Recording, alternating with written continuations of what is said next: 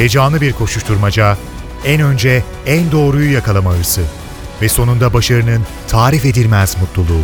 Manşetlerin perde arkası, habercilerin bilinmeyen öyküleri muhabirden de. Muhabirden şimdi başlıyor. Muhabirden de bu hafta Suriye'ye yakından bakacağız. NTV Diyarbakır temsilcisi Nizamettin Kaplan Suriye sınırında Akçakale'de oradaki gelişmeleri izliyor. Suriye'de iç karışıklık başladığı günden bu yana sınırdaki bazı olaylar Türkiye'deki yerleşim yerlerini de etkiliyordu. Düşen mermiler, top mermileri veya benzer bir takım mühimmat Türkiye'ye düşmeye başlayınca bölgedeki yani sınırdaki insanlarda da bazı endişeler uyandı. Nizamettin Akçakale'ye gitti. Hemen sınır ötesinde yaşanan ve gözle görülecek kadar yakın bir mesafede yaşanan çatışmaların Türkiye'yi nasıl etkilediğini, Akçakale'de nasıl bir etki yarattığını inceledi. Nizamettin bizimle olacak notlarını paylaşacak.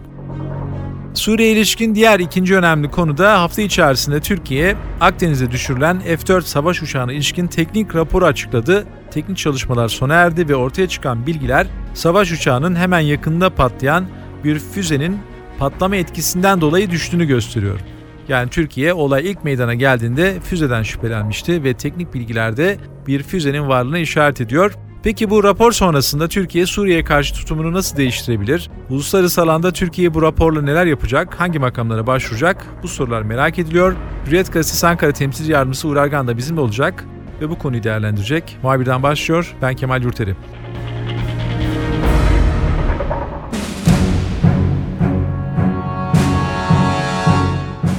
Nizamettin şimdi Suriye sınırında Akçakale'de sınır ötesinde çatışmalar var ve NTV ekranlarından Nizamettin bölgede neler olup bittiğini bizlere aktarıyor. Nizamettin daha önce de e, Suriye'de iç karışıklık başladığı zaman e, Türkiye'de sınırda gerginlik olmuştu. Çünkü bazı mermiler Türk sınırındaki evlere geldiler. E, insanlar yaşamlarından ve saldırıların sınır ötesine geçmesinden endişe ediyorlardı. Bu hafta içerisinde de bazı haberler gelmeye başladı yine bölgeden böyle endişe verici haberler. Nedir Akçakale'de Suriye sınırındaki son durum? Burada tabii ki endişeli bir bekleyiş var. Çünkü hemen yanı başımızda çatışmalar sürüyor. Silah sesleri sürekli geliyor ve bunların dışında bir de e, Esad askerlerinin söz konusu bölgeyi dövmek amacıyla attığı top mermileri var. Bunlar zaman zaman sınırı aşıp Türkiye topraklarına kadar düşebiliyor. Dün bunlardan bir ikisine tanıklık ettik. E, bir tanesi şans eseri bir tarlaya düştü. O sırada tarlada çalışanlar vardı ama herhangi bir yaralanma ya da ölüm söz konusu olmadı. Bir tanesi de yine 3. hudut taburunun içine düştü. Bu da cephaneliğe yakın bir mesafede bulunan bir noktaya düştü. E, bu da e, kısacası bir facianın ucuz atlatılması anlamına geliyor. Eğer cephaneliğe denk gelseydi belki daha ciddi e, sonuçlar doğurabilirdi. E, çatışmaların çarşamba günü başlamasından sonra ilçede de bir endişeli bekleyiş var. Bir gerginlik söz konusu. Hatta ilçenin üçte birinin boşaldığını söyleyebiliriz. Dün belediye başkanıyla yaptığımız bir röportajda bizzat kendisinin ifadesiydi. Yine Akçakale ilçesinde okullar çarşamba gününden beri tatil, pazartesi gününe kadar da e, bu devam edecek. Zaman zaman askeri hareketlilik de dikkat çekiyor. Son olarak top mermilerinin Türkiye tarafına düşmesinden sonra karayel olarak tabir edilen ve üzerinde uçak savaş bulunan bir zırhlı araç hemen sınır kapısının bulunduğu noktaya yakın bir noktada konuşlandırıldı. Vatandaşlar gerçekten bu işin sonunun nereye gideceği konusunda endişeliler. Hem can güvenliği söz konusu hem de tabii ki burada ticaret de olumsuz yönde etkilendi. Daha önce sınır kapısından Suriye ile ticari anlamda çok e, önemli ilişkiler vardı, önemli bağlar vardı.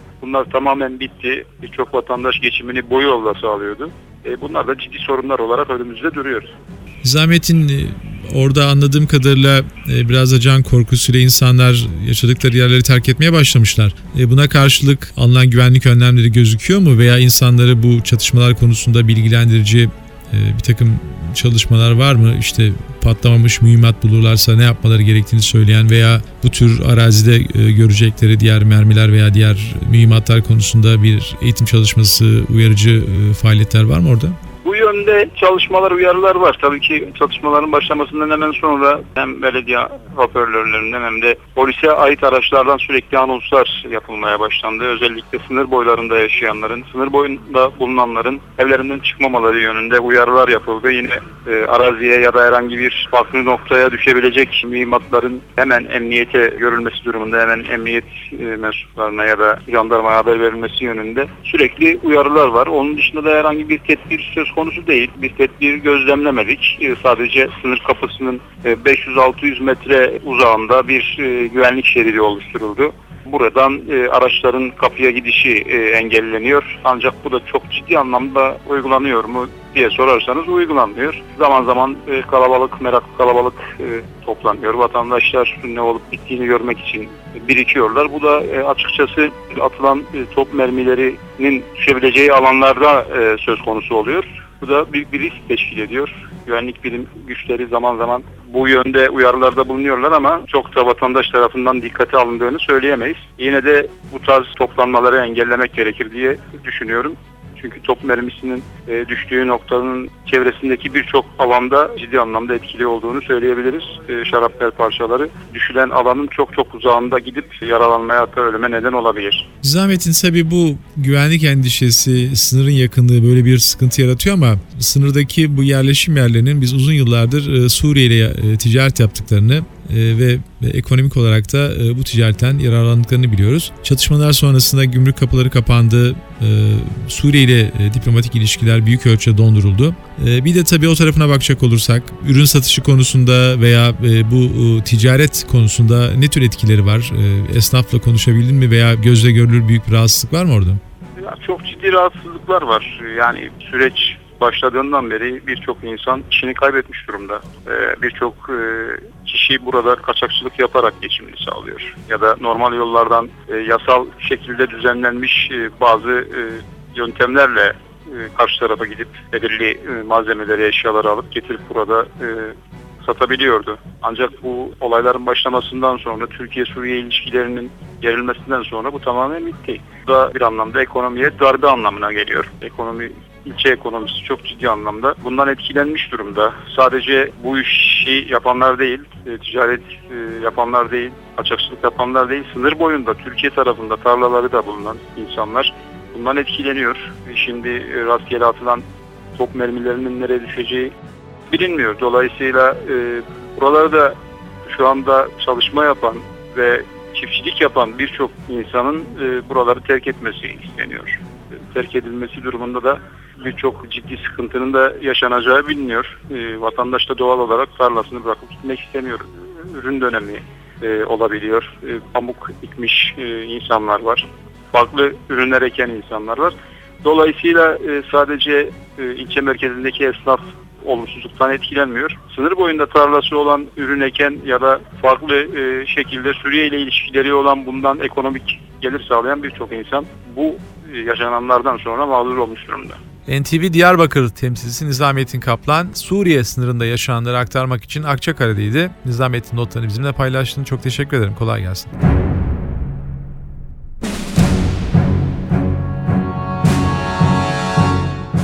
Suriye ile devam edeceğiz. Hafta içerisinde Suriye açıklarında düşürülen Türk F-4 uçağına ilişkin teknik inceleme raporu açıklandı. Yapılan değerlendirmeler Türk savaş uçağının bir füzenin vurması sonucu değil ancak çok yakında patlayan bir e, uçak savar füzesinin patlama etkisini yarattığı şiddetten dolayı düştüğünü ortaya koydu. Ee, Eskişehir'deki hava üssünün bulguları böyle ve mutlaka Türkiye'de bu olaya karşı, saldırıya karşı tavrını da bu rapor üzerinden gerçekleştirecek. Tavrını buna göre koyacak.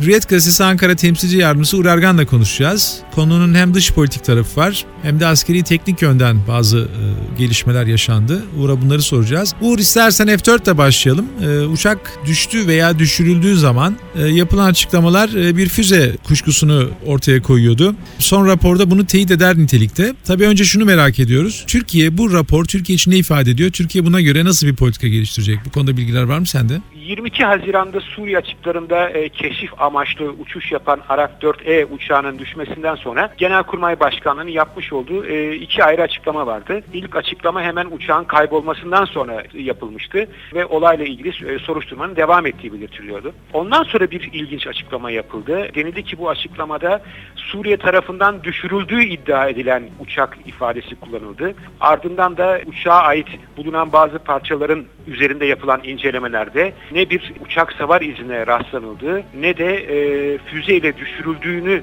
anlamına gelebilecek olan bir kimyasal ize rastlanıldığı belirtiliyordu. Bundan dolayı da uçağın ne şekilde e, düştüğü e, yaklaşık 3 aydan beri tam bir e, muamma halindeydi. Bu muammayı ortadan kaldırmak üzere Genelkurmay Başkanlığı sadece jandarma kriminal ile yetinmedi. Parçaların ki aşağı yukarı 29-30 tane parça çıkarılmıştı Akdeniz'in derin sularından. Bunlar Eskişehir'deki 1. Hava Taktik Komutanlığı'na götürüldü ki burası aynı zamanda Türk Hava Kuvvetleri'nin lojistik komutanlığına bağlı. Türk Hava Kuvvetleri'nin e, elinde bulunan uçakların, helikopterlerin en önemli parçalarının e, temin edildiği hatta hatta üretildiği bir yer. E, burada ayrıntılı bir çalışma yapıldı. Bu çalışmada tabii ki e, kimyasal testler de yapıldı ama ondan ötesi bence en önemlisi de uçağın bulunan parçaları üzerinde herhangi bir fiziki bulgu var mı yok mu e, bunun üzerine gidildi. Bunun için de tabii ki kimyasal testlere yine başvuruldu ve bu kimyasal testler e, de şöyle anlatmakta fayda var. Hem bulunan parçaya bir madde veriyorsunuz, bir kimyasal madde veriyorsunuz. Aşağı yukarı 1-2 hafta hatta 20 güne kadar bekliyorsunuz ve bu 20 gün sonrasında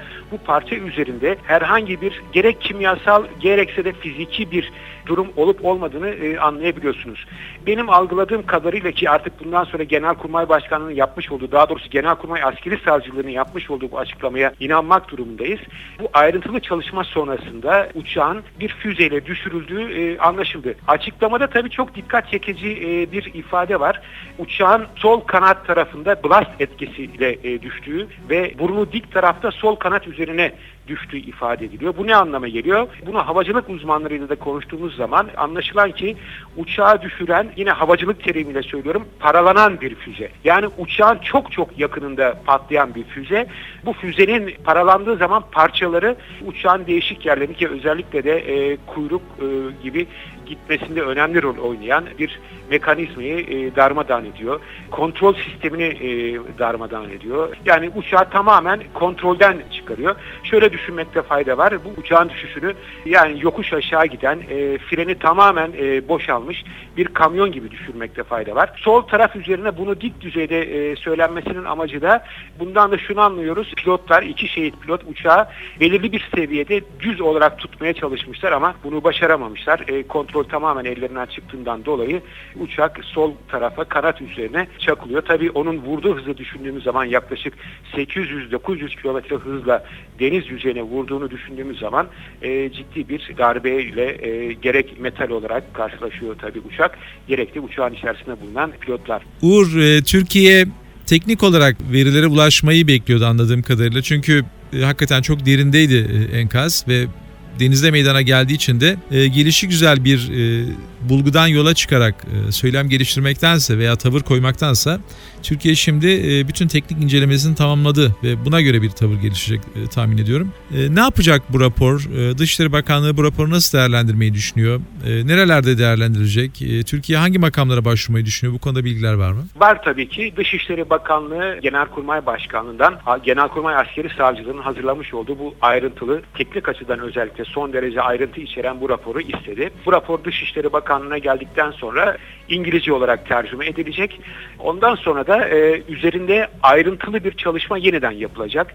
Bu çalışma doğrultusunda Türkiye uçak uluslararası hava sahasına düşürüldüğünden dolayı mevcut Esad rejimi aleyhine gerek uluslararası e, hukuk e, kurumları kapsamında gerekse de Birleşmiş Milletler Güvenlik Konseyi'ni de devreye sokarak Esad'dan e, hem düşen uçak için hem de şehit olan iki pilot için yüklü bir tazminat talebi isteyebilir. Ama demin de söylemiştim Dışişleri Bakanlığı'na bu raporun gelmesi lazım. Bu rapor geldikten sonra hatta gerekirse e, bunun uluslararası düzeyde ne şekilde yapılabileceğine dair uluslararası hukukçulardan da e, bilgi alınacağı bilgisine ulaştım ben. Ondan sonra ayrıntılı, kapsamlı, e, uluslararası hukuk kurallarına uygun bir şekilde başvuru yapılabilir. En azından Dışişleri Bakanlığı bu doğrultuda bir çalışma yapacak ve bir dosyayı hazırlayacak. Ancak bunun e, yapılabilmesi için e, önce hükümetin bir karar vermesi gerekiyor. Hükümet evet bu başvuruyu yapalım dediği takdirde Dışişleri Bakanlığı daha önceden hazırlamış olduğu bu dosyayı hükümetin ilgili makamlarına e, sunacak. Tabii şurada bir soru da var. Eğer bu çalışma tamamlanana kadar Esad iktidardan düşerse yani Esad yönetimi düşerse ne olacak?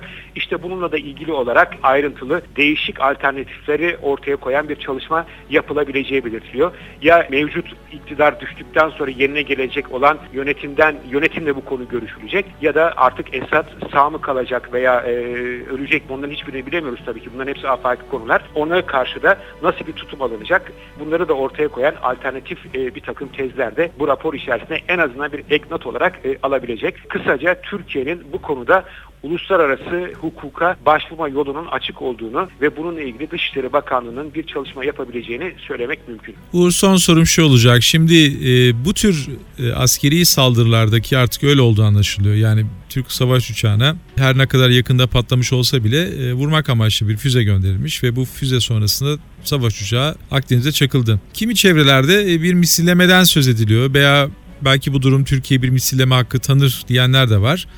Böyle bir radikal karar e, senin değerlendirmelerine göre söz konusu olabilir mi? Yani teorik olarak her şey mümkün ama e, bence e, Başbakan e, Recep Tayyip Erdoğan'ın Washington Post'ta yapmış olduğu açıklamayı dikkate almakta fayda var. Son olarak Başbakan eğer bundan sonra yani yakın bir zamandan bahsediyoruz. Uçak düşeli neredeyse 3 ay oldu.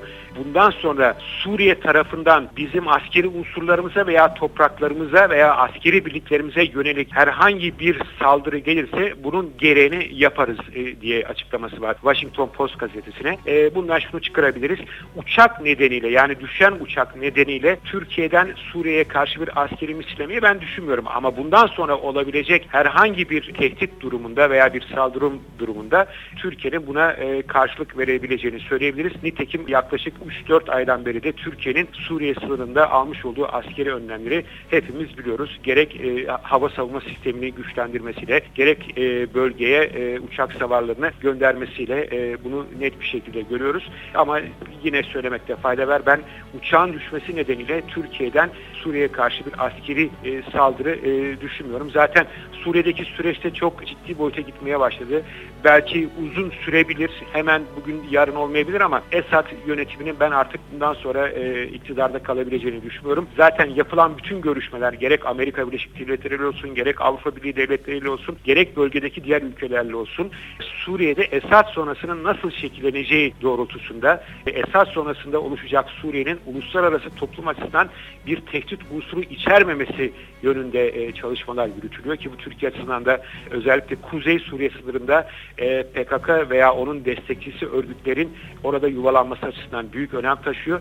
Türkiye Suriye'nin kuzeyinde herhangi bir özerk yapının oluşmasına kesinlikle karşı olduğunu net bir şekilde ortaya koymuştu. E, Batı dünyası ve Amerika Birleşik Devletleri tarafından da endişeyle izlenen bir e, olgu da bölgede otorite boşluğu olmasından dolayı radikal kesimlerin örneğin El-Kaide gibi radikal dinci kesimlerin bölgede kendilerine bir saha bulmaları bunun da önüne geçilmesi e, gerektiği yönünde görüş birliği var.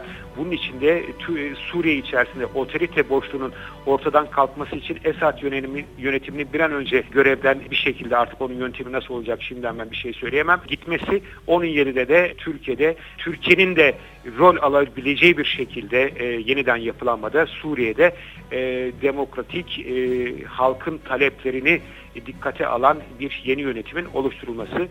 Bunun nasıl ne şekilde olacağını tabii ki bize zaman gösterecektir ve arazide sahada yaşananlar. Hürriyet Gazetesi Ankara Temsilci Yardımcısı Uğur Ergan bizimleydi. Uğur iki konuda notlarını bizimle paylaştı. Bir tanesi e, düşürülen F-4 uçağına ilişkin teknik rapor neyi ifade ediyor? Uğur onu yorumladı. Daha sonra en çok merak edilen soru bu rapor sonrasında Türkiye ne yapabilir?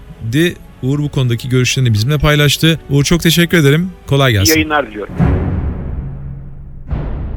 Haftanın önemli olaylarını, bu olayları gazete sayfalarına taşıyan, televizyon ekranlarından bizlere aktaran habercilerin notlarıyla gözden geçirmeye devam ediyoruz. Ben Kemal Yurteri, muhabirden de yeniden görüşmek üzere, hoşçakalın. Haberi değil de haberin hikayesi için şimdi onlara kulak verme zamanı. Muhabirden NTV Radyo'da.